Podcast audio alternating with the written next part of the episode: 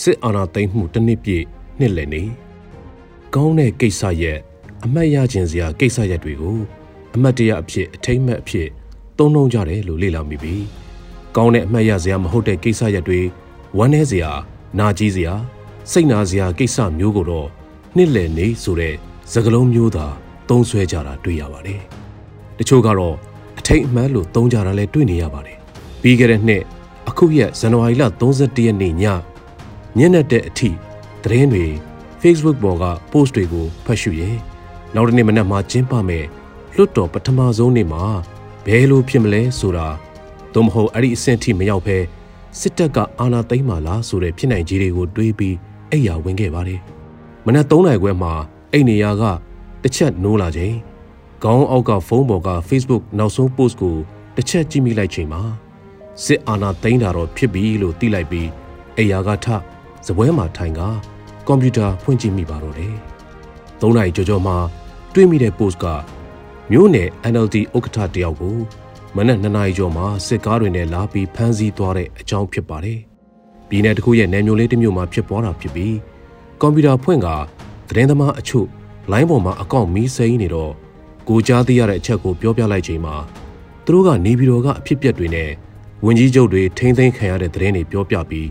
စစ်အာဏာသိမ်းမှုဖြစ်ပြီးဆိုတာသေချာသွားပါတယ်။မလိုလားဆုံးအရာမြန်မာနိုင်ငံသမိုင်းမှာဆယ်စုနှစ်အနည်းငယ်တိုင်းတကြောပြန်ဖြစ်လေရှိတဲ့အရာဖြစ်ပျက်လာခဲ့ပါပြီ။အဲ့ဒီနေ့အဲ့ဒီချိန်ကတော့နောက်တည့်ရက်ဘာဖြစ်မလဲနောက်သတင်းပတ်မှာဘာဖြစ်မလဲသို့မဟုတ်နောက်တစ်လမှာဘာဖြစ်လာမလဲဆိုတာဘာမှမှန်းဆလို့မရသေးပေမဲ့မြန်မာနိုင်ငံရဲ့အနာဂတ်ဟာ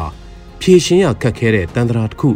ဝဲကရက်တစ်ခုတည်းပြန်ကျဆင်းသွားပြီလို့တော့ ခန်းစားလိုက်ရပါတယ်။ဇန်နဝါရီလရဲ့လာဇန်ပိုင်းကလေးကစစ်တပ်ကရွေးကောက်ပွဲမဲစင်းတွေနဲ့ပတ်သက်တဲ့ထုတ်ပြန်ချက်တွေသတင်းစာရှင်းလင်းပွဲတွေတစ်ခုပြီးတစ်ခုလုပ်နေကြရမှာစစ်အာဏာသိမ်းနိုင်ခြေရှိတယ်ဆိုတဲ့အမြင်ဆွေးနွေးမှုတွေမီဒီယာတွေရဲ့သုံးသပ်ချက်တွေဆွေးနွေးပွဲစကားဝိုင်းတွေဖော်ပြနေကြကြတာပါနောက်ဆုံးလွှတ်တော်ခေါ်ဖို့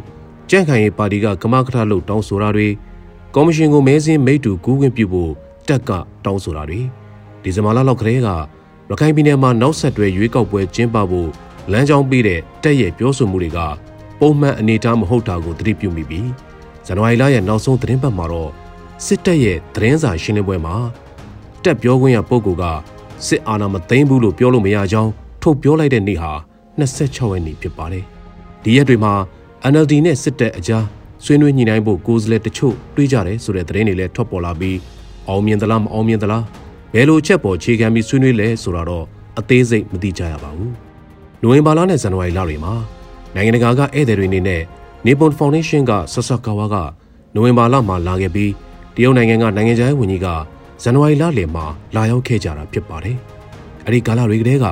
စစ်တပ်ကအာဏာသိမ်းနိုင်မှုအခြေအနေကိုပြင်ဆင်နေကြပြီးနိုင်ငံတကာကလာတဲ့တန်တမန်နိုင်ငံခြားရေးဝန်ကြီးတွေကို NLD အစိုးရကိုရွေးကောက်ပွဲနဲ့ပတ်သက်တဲ့မသမာမှုတွေရှိတယ်ဆိုတာမျိုး ကြိုးပြီးအတိပေးထား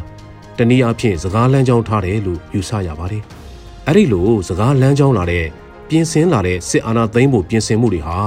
ဇန်နဝါရီလရဲ့နောက်ဆုံးရက်သကောင်အကျော်ဖေဖော်ဝါရီတရက်နေ့ရဲ့အာယုံမတက်ခင်မှာလက်တွေ့အကောင့်ထဲပေါ်ခဲ့ပြီဖြစ်ပါတယ်။တချို့သောစစ်အာဏာသိမ်းမှုတွေဟာမမျှော်လင့်ထားတဲ့အချိန်မှာရုတ်တရက်အလင်းငိုင်နေနဲ့သိမ်းယူတာမျိုးဖြစ်ပေမဲ့ပြီးခဲ့တဲ့နှစ်ကမြန်မာနိုင်ငံမှာဖြစ်ပျက်ခဲ့တဲ့စစ်အာဏာသိမ်းမှုကတော့သတင်းပတ်နဲ့ချီပြီး အရက်ရောင်ပြစကားလမ်းကြောင်းခင်းလာတာအပြင်မသိမ်းဘူးလို့မယိုဆနိုင်ကြောင်းအထိထုတ်ပြောခဲ့တဲ့အာဏာသိမ်းမှုပါဘဝမှာစစ်အာဏာသိမ်းမှုကို88ခုနှစ်ကတစ်ကြိမ်အခု2021ခုနှစ်မှာတစ်ကြိမ်နှစ်ကြိမ်တိုင်တိုင်ကြုံတွေ့ခဲ့ရပြီးစစ်အာဏာသိမ်းမှုတွေကလူတွေရဲ့အနာဂတ်ညှော်နှင်းချက်တွေအနာဂတ်တွေကိုဖျက်ဆီးရိုက်ချိုးသလိုဖြစ်စေခဲ့ပြီး1988ခုနှစ်စစ်အာဏာသိမ်းမှုအပြီးတုန်းကလည်း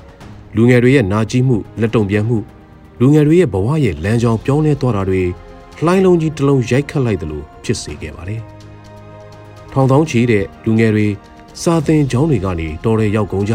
။အဲဒီနောက်မှာအချို့ကတခြားနိုင်ငံတွေစီရောက်ကုန်ကြသလိုထောင်ထဲချီတဲ့လူငယ်တွေလည်း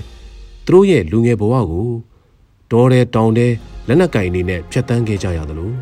ယာနဲ့ချီတဲ့သူတွေလည်းလက်နက်ကင်တိုက်ပွဲတွေတဲ့ပဋိပက္ခတွေတဲ့အသက်ဆုံးရှုံးခဲ့ကြပါတယ်။ ဒေါခုသူတွေတင်မကပါဘူး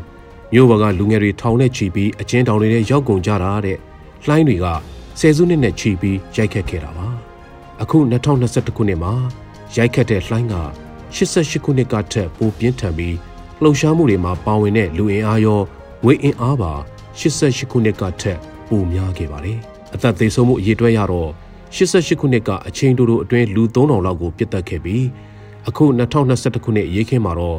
အခုချိန်ထိဒီမိုကရေစီအရေးလှုပ်ရှားသူနဲ့အယက်သားသေဆုံးမှုတွေကို AAPP မှတ်တမ်းတင်မှုရဆိုရင်1500ကျော်ရှိခဲ့ပြီဖြစ်ပါတယ်။အမှန်တကယ်ကိန်းကနန်းကဒီထက်ပိုနိုင်ပွဲရသာရှိပါတယ်။တနစ်ပြည့်တဲ့ကာလမှာသေဆုံးမှုဆုံးရှုံးသွားတဲ့အခွင့်အရေးတွေမှတ်တမ်းတင်မှုခုခံကာကွယ်နိုင်မှုတွေမှတ်တမ်းတင်မှုတွေအပြင်အရေးအကြီးဆုံးတောင်းဝန်တရက်ကနိုင်ငံရေးဖွဲ့စည်းတွေအနေနဲ့ပြီးခဲ့တဲ့တနစ်တာမှာဘယ်လန်းစဉ်တွေကအောင်မြင်ခဲ့သလဲ ဘယ်လန်းစဉ်တွေကအလုံးမဖြစ်ခဲ့ဘူးလဲအယက်သားလူတို့ကိုအကာအကွယ်ပေးခြင်းသို့မဟုတ်ထိခိုက်သေဆုံးမှုဖမ်းဆီးနှိပ်စက်ခံရမှုနည်းဖို့အတွက်ဘယ်လိုနည်းလမ်းတွေကျင့်သုံးသင့်တယ်လဲဆိုတဲ့ပြန်ပြောင်းသုံးသက်ခြင်းရိုးသားပွင့်လင်းစွာပြန်သုံးသက်ပြင်ဆင်ခြင်းကအရေးတကြီးလိုအပ်တယ်လို့ထင်ပါတယ်လွတ်လပ်ရေးရပြီးတဲ့နောက်မြန်မာနိုင်ငံရေးမှာအယူဝါဒမတူလို့တိုင်းရင်းသားလူမျိုးစုပြည်နယ်လူမျိုးစုကိုယ်ပိုင်ပြဋ္ဌာန်းခွင့်စကလုံးသာမဟုတ်တဲ့အနှစ်သာရအဖြစ် Federal ယူဆကိုလက်မခံလို့စစ်တပ်ကနိုင်ငံရေးသမားတွေကိုဖယ်ရှားပြီးသူတို့သာနိုင်ငံကိုအုပ်ချုပ်နိုင်တယ်တိုင်းရင်းသားလက်နက်ကိုင်တွေကိုထိန်းချုပ်နိုင်တယ်ဆိုတဲ့အယူဆတွေရှုမြင်မှုတွေယက်တီချက်တွေနဲ့တမိုင်းကတကြောပြီးတကြောလဲနေခဲ့တာဖြစ်ပါတယ်ဒီတမိုင်းတန်တရာလဲခြင်းအစိုးတန်တရာလဲခြင်းလက်နက်ကင်ထားသူတွေကနိုင်ငံရေးကိုဆုံးဖြတ်သူဖြစ်နေခြင်းစတဲ့အစိုးတန်တရာကွင်းဆက်တွေကိုရပ်ပစ်နိုင်ဖို့အရေးကြီးတယ်လို့မြင်မိပါတယ်ဒီနေ့ပြည့်တဲ့အချိန်မှာ နိုင်ငံတကာဖွဲ့စည်းတွေဖြစ်တဲ့ကုလသမဂ္ဂအင်အားကြီးဩဇာကြီးတဲ့နိုင်ငံတွေက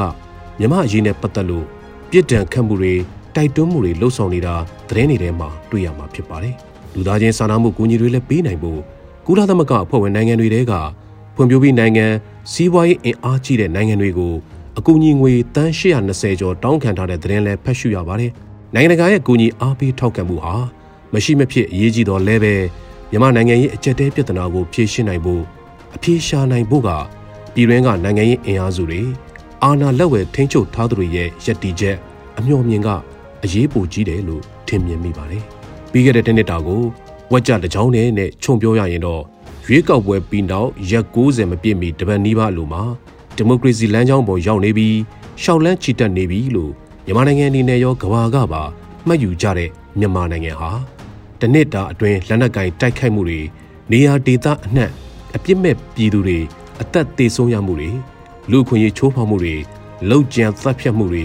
လူနေအိမ်ပိုင်ဆိုင်မှုတွေမိရှို့ဖျက်ဆီးခံရမှုတွေကနေ့စဉ်ဘဝလိုဖြစ်လာနေပြီဖြစ်ပါလေ။